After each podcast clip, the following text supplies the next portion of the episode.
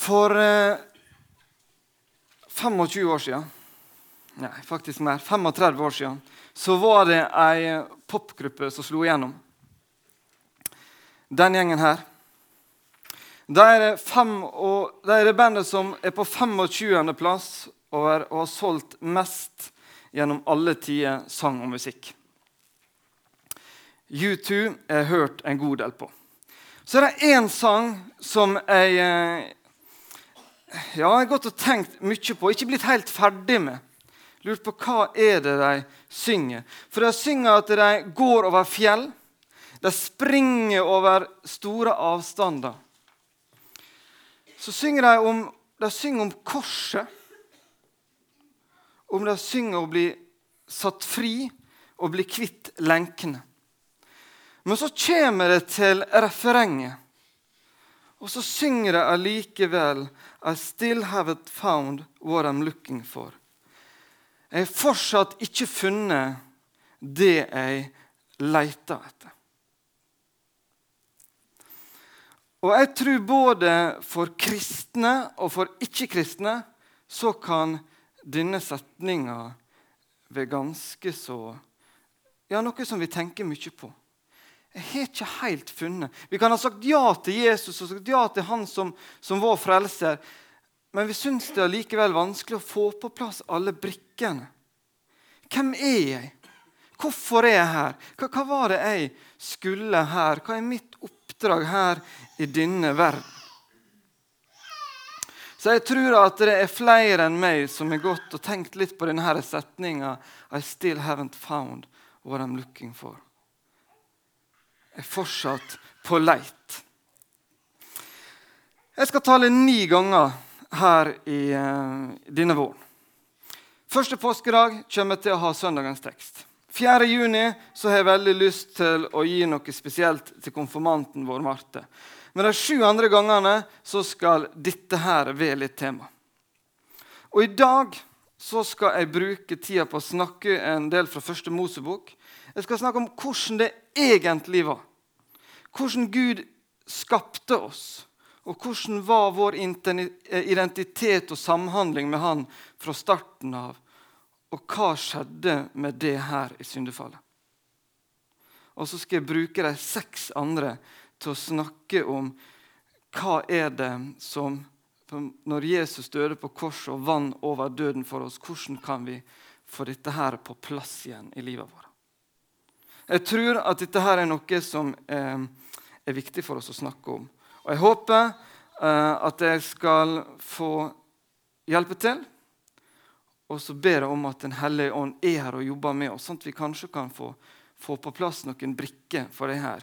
Det tror jeg er viktig.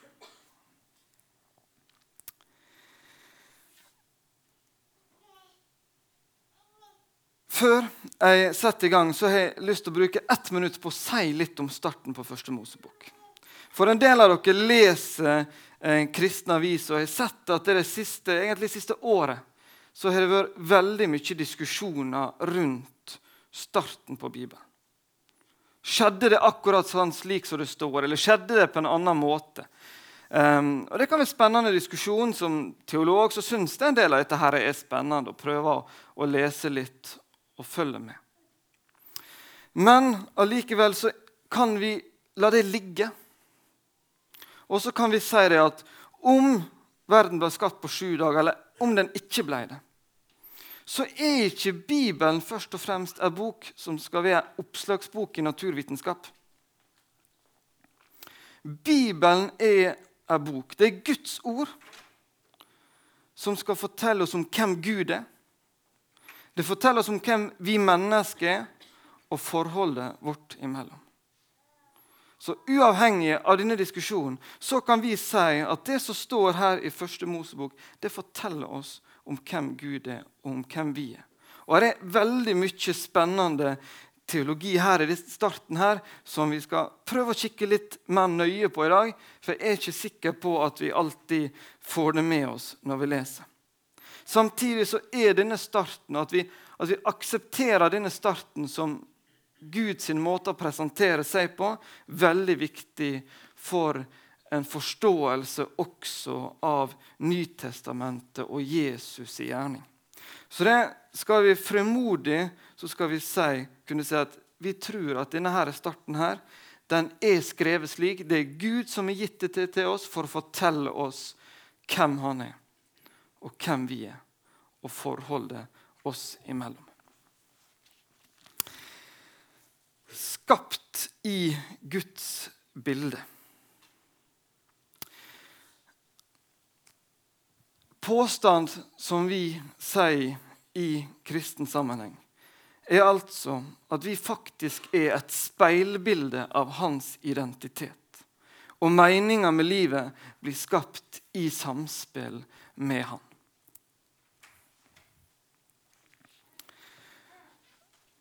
Ja, hva er det som er så spesielt med oss mennesker? Hvorfor kan vi komme med en sann påstand som det her ut ifra det som står?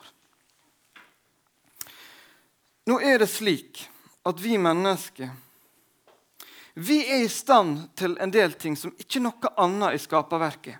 Og En veldig viktig ting med det er at vi er i stand til å observere oss sjøl. Vi klarer å se på oss sjøl litt utenfra. Vi kan reflektere rundt vår egen oppførsel. Og vi kan gjøre dette her eh, en, med oss sjøl som ingen andre kan gjøre angående oss sjøl.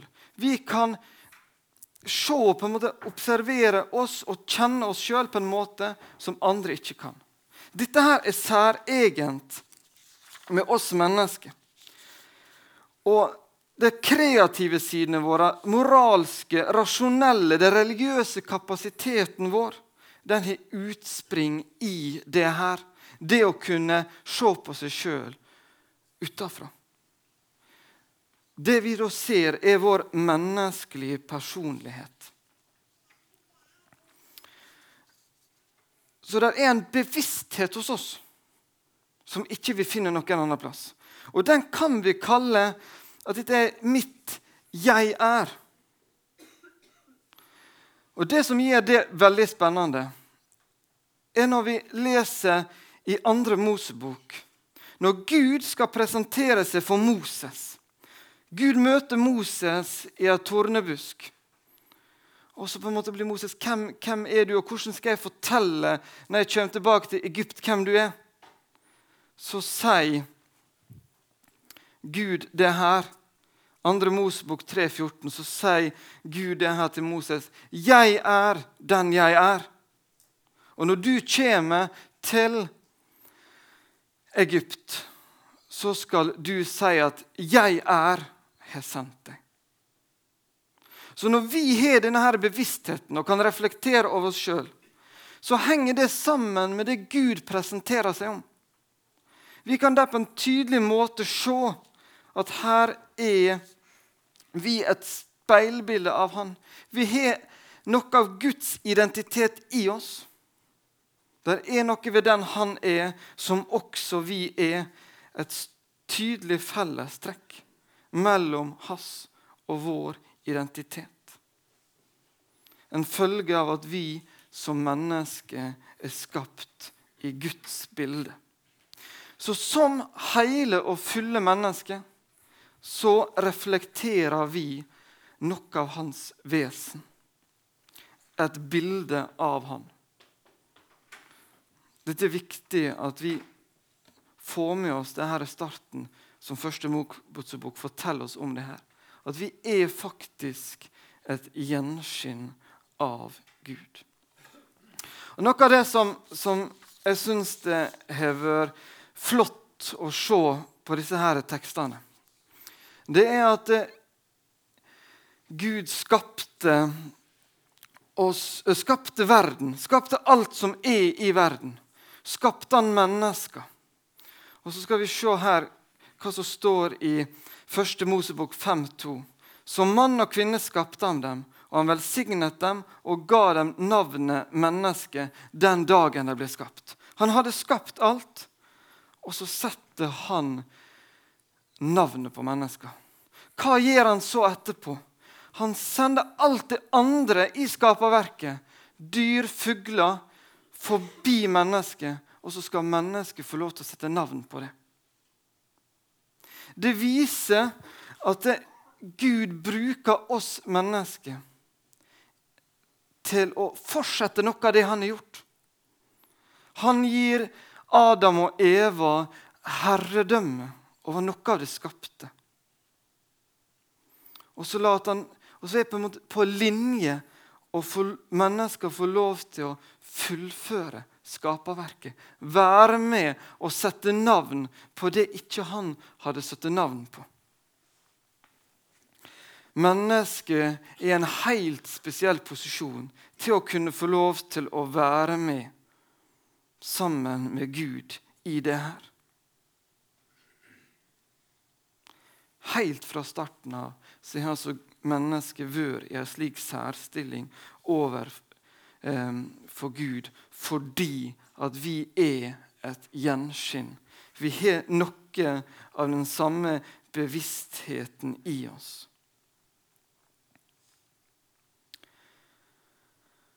Og i starten, før syndefallet, så var det altså et perfekt forhold der mellom Gud og menneske, mellom mennesker og mennesker sitt forhold til naturen. Det var harmoni. Det var rettferdighet. Adam og Eva reflekterte Gud sin karakter. Det var ikke en identitet som var kjøpt eller skapt på sida, men de var faktisk et gjenskinn av Gud sjøl. Er ganske sterkt. Og så sitter du her, og så, og så ber jeg deg nå tenke gjennom hvem er du Øyvind hadde en fin innledning her. Hvem, hvem er vi i dag når vi så denne snøen? Um, hvem er du på dine gode dager? Hvem er du når livet gjør vondt? Hvem er du når du dummer deg ut? Jeg følte jeg dumma meg ut på noe på fredag og kjenner fortsatt det er ikke helt godt. Hvem er du når du ser at andre dummer seg ut? Er du annerledes da? Hvem er du når du står i en kassakø på en butikk eller kø i trafikken? Hvem er du på en fin fjelltopp en varm sommerdag? Um, eller hvem er du i et stappfullt kjøpesenter før jul? Hvem er du når barna dine holdt deg oppe tre netter på rad? Eller hvem er du når foreldrene dine driver deg til vanvidd? Vi skal ikke tenke så veldig lenge før vi ser at dette bildet av oss sjøl er ganske sammensatt. Det spriker veldig. Ehm, det stemmer ikke helt med det jeg har prøvd å formidle her om et tydelig gjenskinn av Gud. Vi føler at her er det noe som ikke henger helt sammen. Men vi er altså ikke skapt til å være så, oppleve oss sjøl så forskjellig som vi gjør. Men alle disse bildene som vi opplever oss selv, av oss sjøl, er noe av det som får oss til å synge sammen med You too, I still haven't found what I'm looking for.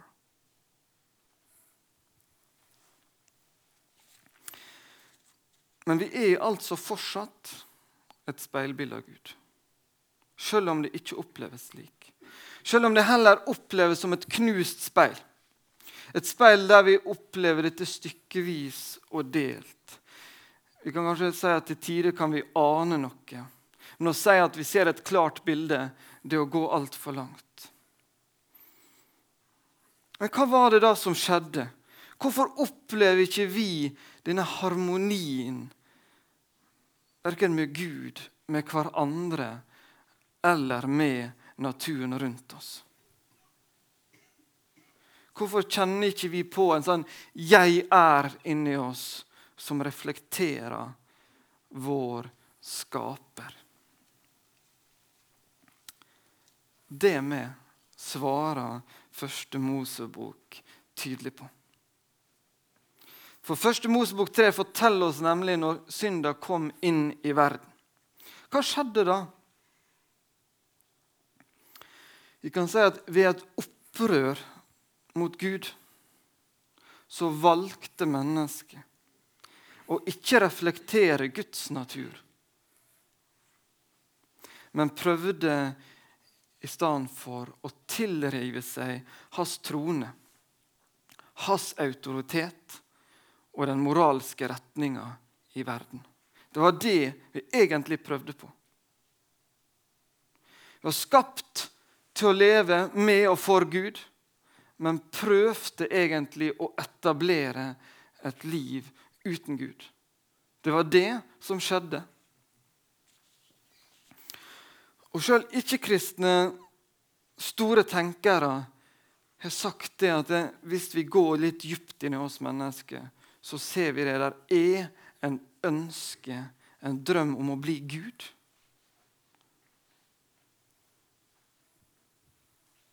Og det var det som fikk Adam og Eva til å, og si ja til fristelsen. Vi skal se litt på hva var det som denne slangen frista Eva med. For slangen sier, men Gud vet at den dagen dere spiser den, vil øynene deres bli åpnet, og dere vil bli som Gud og kjenne godt og ondt.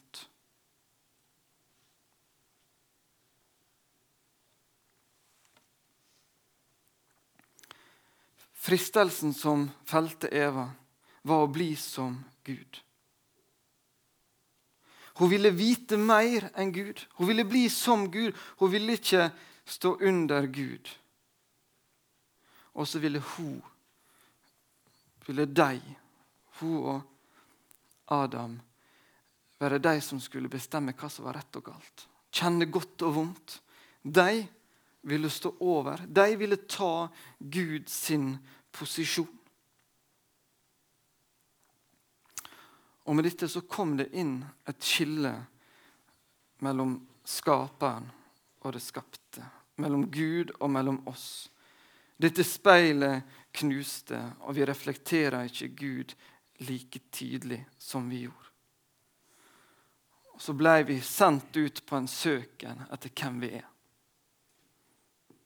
En søken som vil vare helt til vi får et samfunn med vår skaper igjen. Og får på plass disse bitene. Skjønne hvem han har skapt oss til å være. Hvordan han vil at ting skal være. Da vi for drøye to år siden gikk gjennom denne boka 'Den Jesus jeg ikke kjente', så brukte vi litt tid på Matteus 4, når Jesus blir frista i ørkenen av Satan. Og Det henger veldig tett sammen med det her. Og det er viktig for oss at vi ser den linken.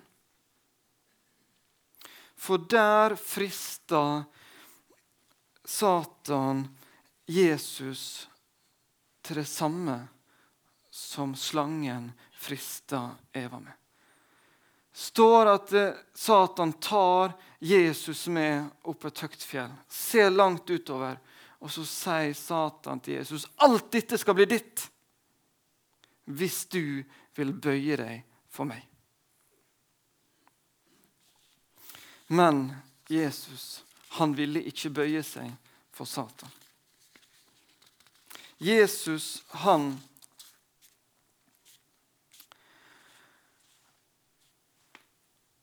ville ikke være med på et sånt opprør. Han ville ikke prøve å ta Guds plass.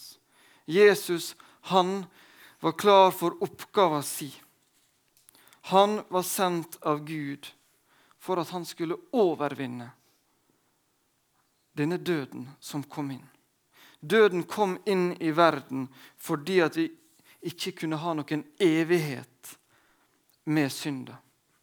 Men så klarte altså Jesus å si nei til denne fristelsen som Eva og Adam falt for, for å kunne bygge oss sammen igjen. For at Gud kunne ha samfunn med oss. For å opprette denne kontakten og for å vise oss mer av hvem vi er. Som i mennesket sitt opprør så kom både synd og skam og død inn i vår verden og blir en del av vår realitet. Men Gud så det altså som så viktig å få lov til å være sammen med oss. At han var villig til å sende sin egen sønn. Slik at Gud sitt 'jeg er' kan igjen få bli knytta sammen med mitt 'jeg er'.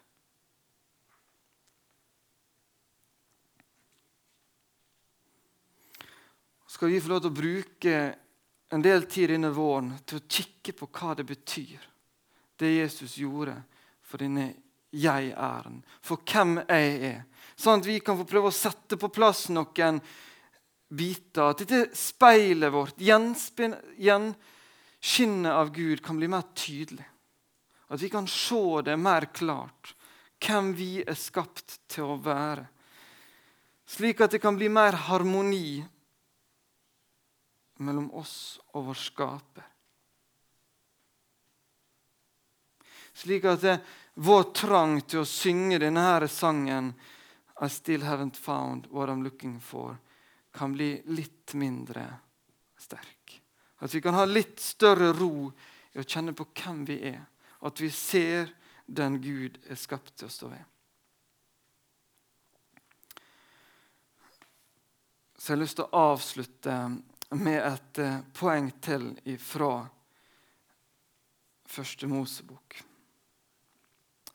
For å tydeliggjøre hvorfor Gud var villig til å sende sin sønn for å redde oss. Fordi at vi kan av og til lure på hva skjedde da med vår verdi oppi dette her. Gud skapte oss i sitt bilde. Det gjorde han før syndefallet. Men så syns jeg det er veldig flott å se at eh, etter syndefallet Etter at